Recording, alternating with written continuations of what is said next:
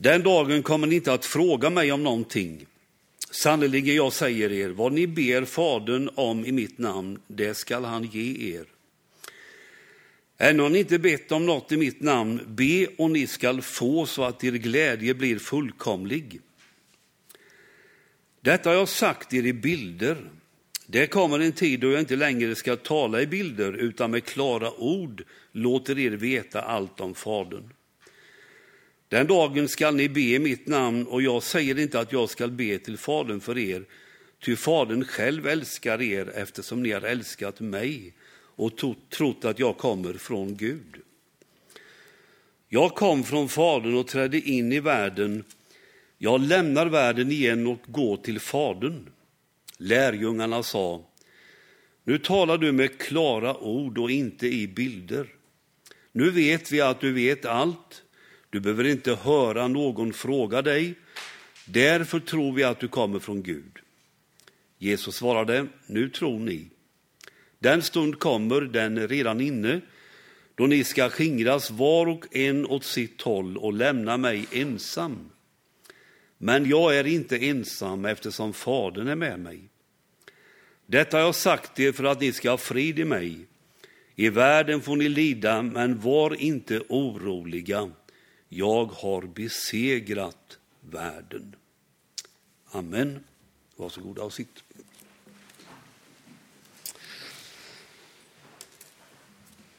Den här söndagen som är idag, den benämner vi gärna söndagen i Kristi himmelsfärdshelgen. Och det är väl rätt på ett sätt, då kanske vi säger så därför att det hör ihop med lite dagar och lite ledighet och så där i övrigt. Men den här söndagen har ett eget namn. Den heter söndagen före pingst om man följer kyrkåret. Och jag tror att vi gör väl i att markera den här söndagen och också nästa söndag som är pingstdagen. För ärligt talat, är det inte så att pingst, andens högtid, har kommit lite på sidan när det gäller vårt gudstjänsttänk? Och inte minst sedan annandag pingst försvann. I alla fall försvann den som röd dag, men det står fortfarande annandag pingst om man tittar. Men nu är det söndagen före pingst. Och just detta med anden, det kan vi ana i första versen av vår text här. Jesus säger, den dagen kommer ni inte att fråga mig om någonting. Jesus säger ju detta i sitt avskedstal innan sin död. Och han vet att det både är och kommer att bli en större förvirring bland lärjungarna. Eh, och här antyder han då att den här förvirringen kommer att ta slut. Det kommer en tid då det ska klarna. En tid då pusselbitarna kommer att falla på plats. Den helige ande ska komma. Hjälparen kommer, som är det övergripande temat för idag. Jag plockar fram fyra saker ur texten som jag skickar vidare då som punkter. Det första är bön. I texten är det ju så att Jesus talar om att be Fadern, be Fadern i Jesu namn. Och han säger be och ni skall få. Och nu nämner jag bara några saker om bön här. Först Jesu exempel. Alltså evangelierna berättar ju hur Jesus drog sig undan i ensamhet för att be. Då kanske vi tänker, det gick an för honom. Det är annat för oss i vår stressade tillvaro. Hur som helst så tänker jag, det finns möjligheter här. I de timmar vi har fått så ligger det också ett erbjudande till oss av bön. Tänk nu inte bön som att du hela tiden måste peppra Gud med olika saker att be för. Utan tänk bön som en stund där du kan dra dig undan. Det du säger till Gud, det du har på ditt hjärta. En stund där du kan vara tyst och bara, bara vara i lyssnande. Eller be genom att läsa en psalm ur Saltaren eller be Herrens bön. Och den är ju en bön som Jesus för övrigt sagt, har sagt att vi ska be. Så ska ni be, säger han. Sen kan vi be den bönen på olika sätt. Vi kan be den som den står rakt igenom. Men vi kan be liksom bit för bit och stanna till och liksom lägga till våra egna ord under de här rubrikerna och be på det sättet. Vi tror ju och säger ofta att bön är andningen i våra liv med Kristus. Och då är bön nödvändig. Och då vill jag säga än en gång, i de timmar vi har fått för varje dygn så ligger det också ett erbjudande om tid för bön. Det liksom ligger en ädelsten där varje dag va? och väntar på oss. Och vet du, Gud väntar på dig och mig. Han längtar efter att vi ska prata med honom.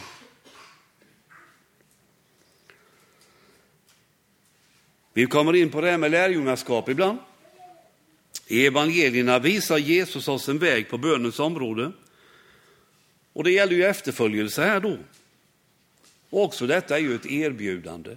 Han vill lära oss någonting som är viktigt. Om jag växlar spår lite så vill jag också flyka in här att bön alltid är en framkomlig väg.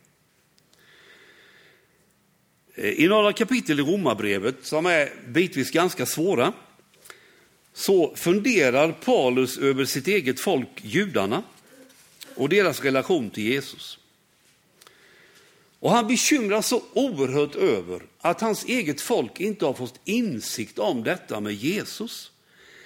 Så han skriver faktiskt att han själv vore, att han önskar att han själv vore bortkastad från Kristus om det kunde hjälpa hans eget folk.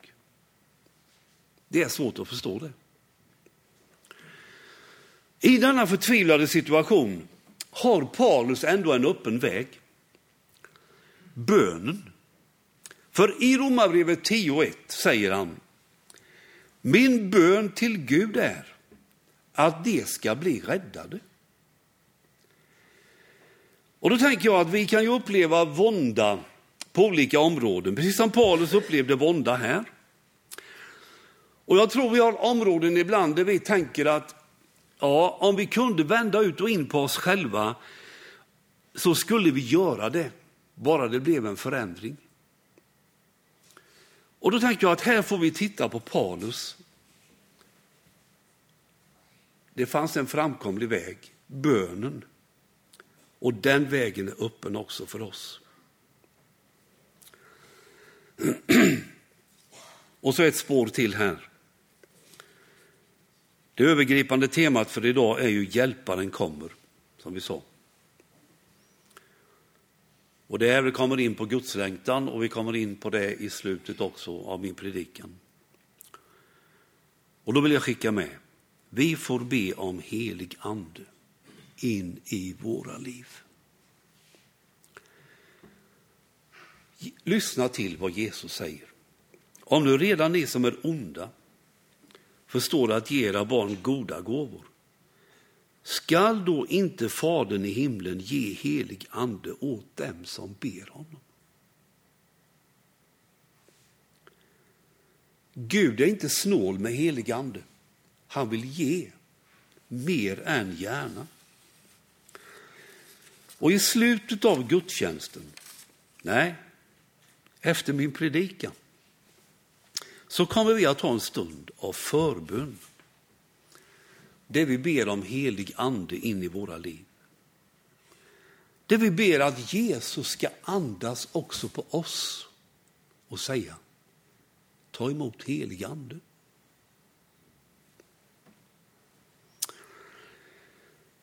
Punkt två, beroende. Jesus säger ju i texten att han kom från Fadern och att han går till Fadern. Och han säger också, Fadern är med mig.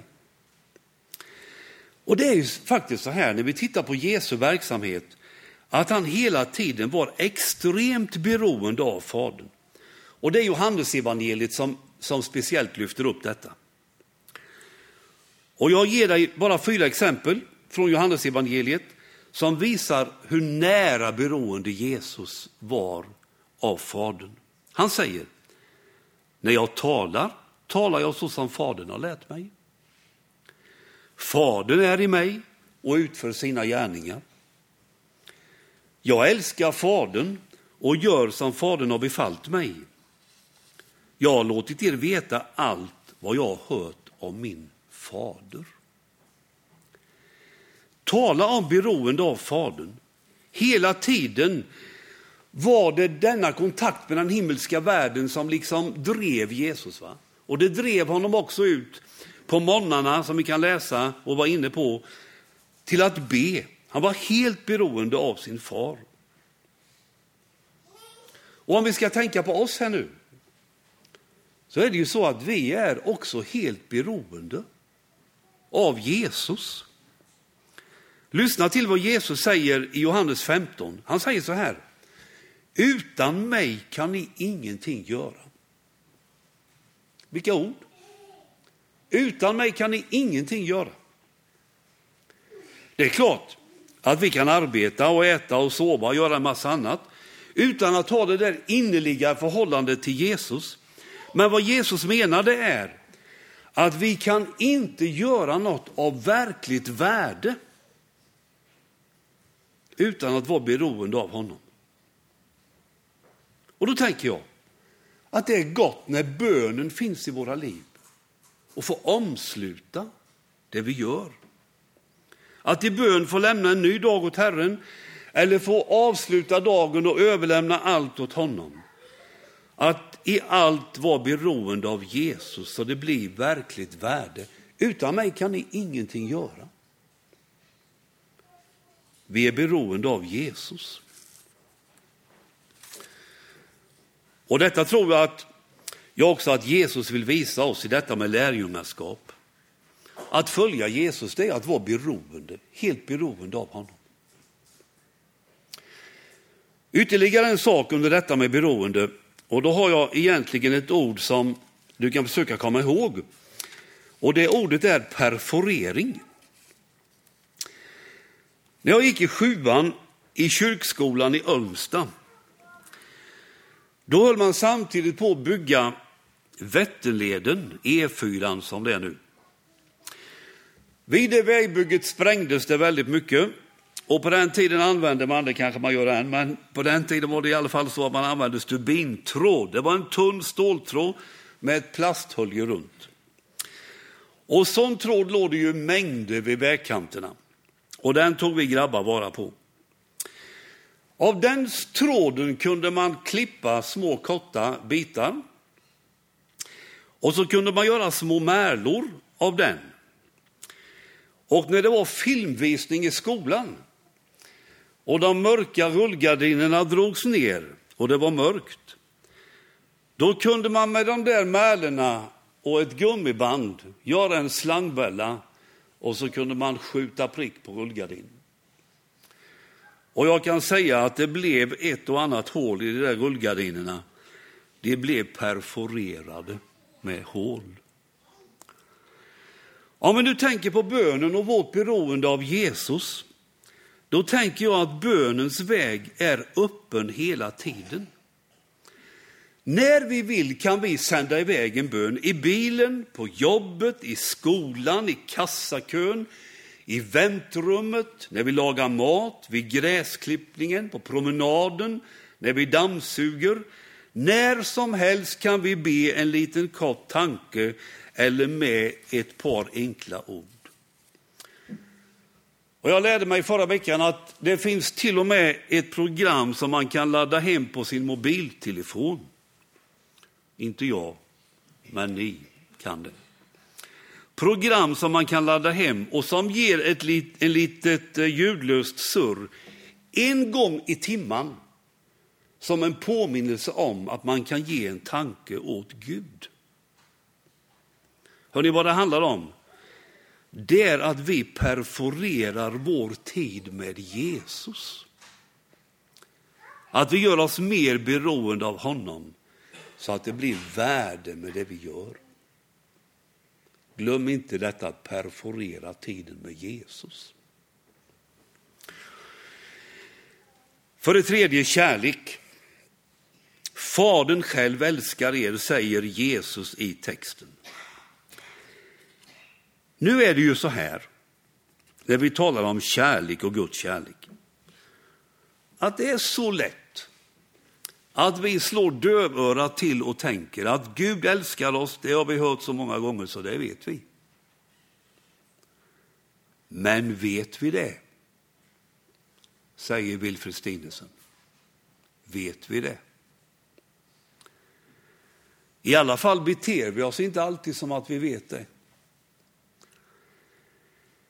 Alltså Gud älskar ju alla människor, ingen enda undantagen. Sen verkar det vara så i texten just idag här, att Jesus talar om Faderns kärlek till sina barn.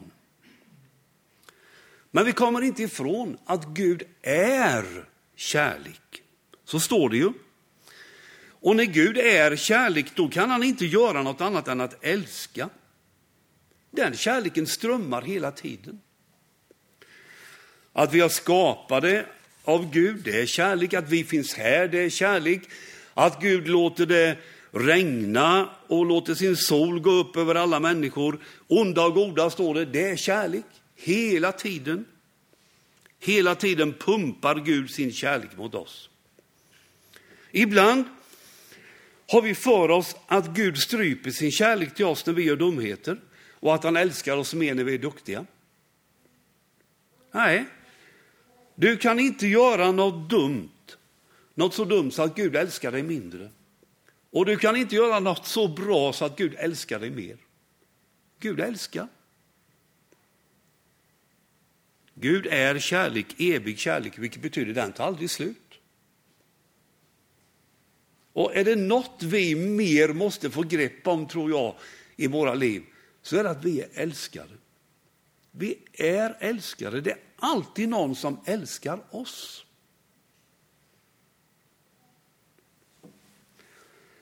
Och det största kärleksbeviset från Gud är ju att han sände Jesus. Så uppenbarades Guds kärlek hos oss, skriver Johannes i sitt första brev. Alltså när Gud verkligen vill visa kärlek på riktigt, då sänder han Jesus. Men Johannes fortsätter i sitt första brev. Han säger så här, mina kära, om Gud har älskat oss måste också vi älska varandra. Alltså vi är kallade att älska varandra, du och jag. Det ingår i paketet som handlar om att vara lärjunge. Det finns egentligen inget val. Och när vi älskar varandra så handlar det naturligtvis om känslor, ibland. Men det handlar framför allt om en vilja. Det jag vill älska och det jag vill göra kärlek. Älska varandra handlar om att göra kärlek för varandra. Att göra genom att be, att göra ett praktiskt handtag, att göra genom att tala väl och så vidare. Och om jag skäller lite ur tidningen Dagen nu så, så handlar det om detta om en tacksamhetens och förnöjsamhetens livsstil, skriver man. Som inte frågar efter vad jag kan tjäna, utan hur jag kan betjäna. Och om en givandets livsstil som ger utan avsikt att få tillbaka. Vem beter sig så? Bara den som har drabbats av kärleken.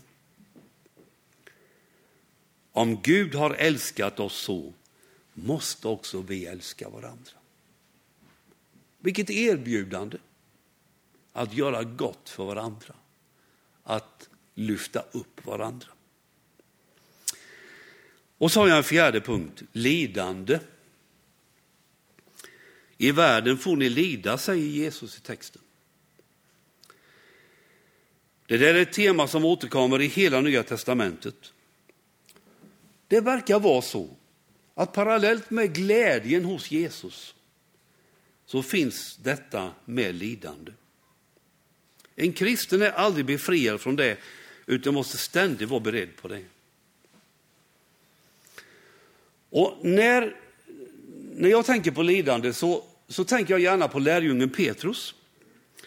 Du vet att han förnekade ju Jesus tre gånger och efter Jesu uppståndelse så möter han sin mästare och så får han upprättelse. Och um, Petrus blir en herde, en ledare för många som kommer att följa Jesus. Petrus fick alltså förlåtelse och ett nytt uppdrag.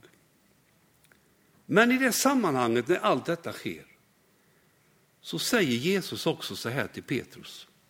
Lyssna. Men när du blir gammal ska du sträcka ut dina armar och någon annan ska spänna bältet om dig och föra dig dit du inte vill. Detta handlar om att Petrus ska få ge sitt liv för Jesus skull.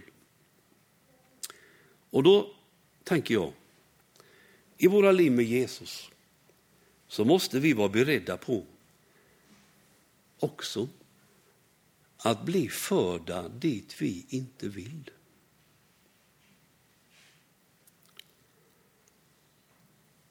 Men när Jesus talar om lidande så säger han också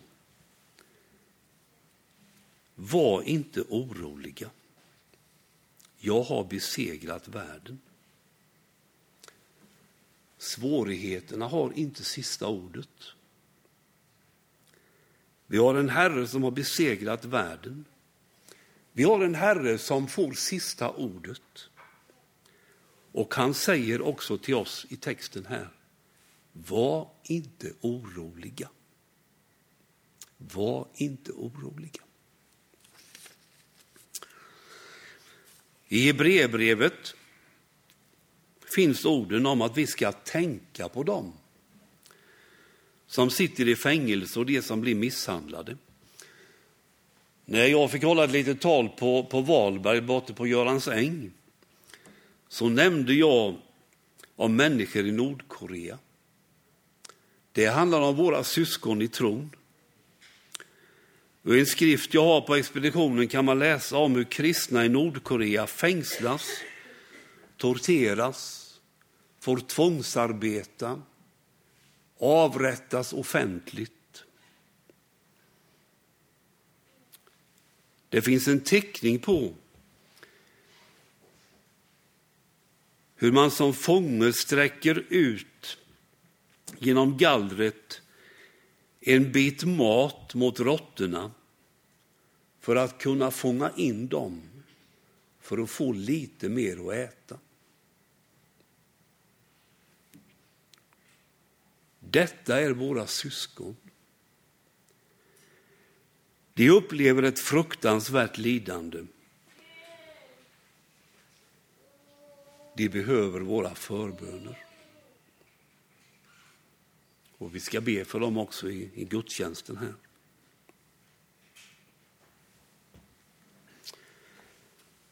Men återkopplar jag till första punkten bön om att be om mer av helig ande in i våra liv. Och nu kommer vi att göra så här. Vi ska lyssna till sång och vi får sjunga med och oh, så. Frida leder oss.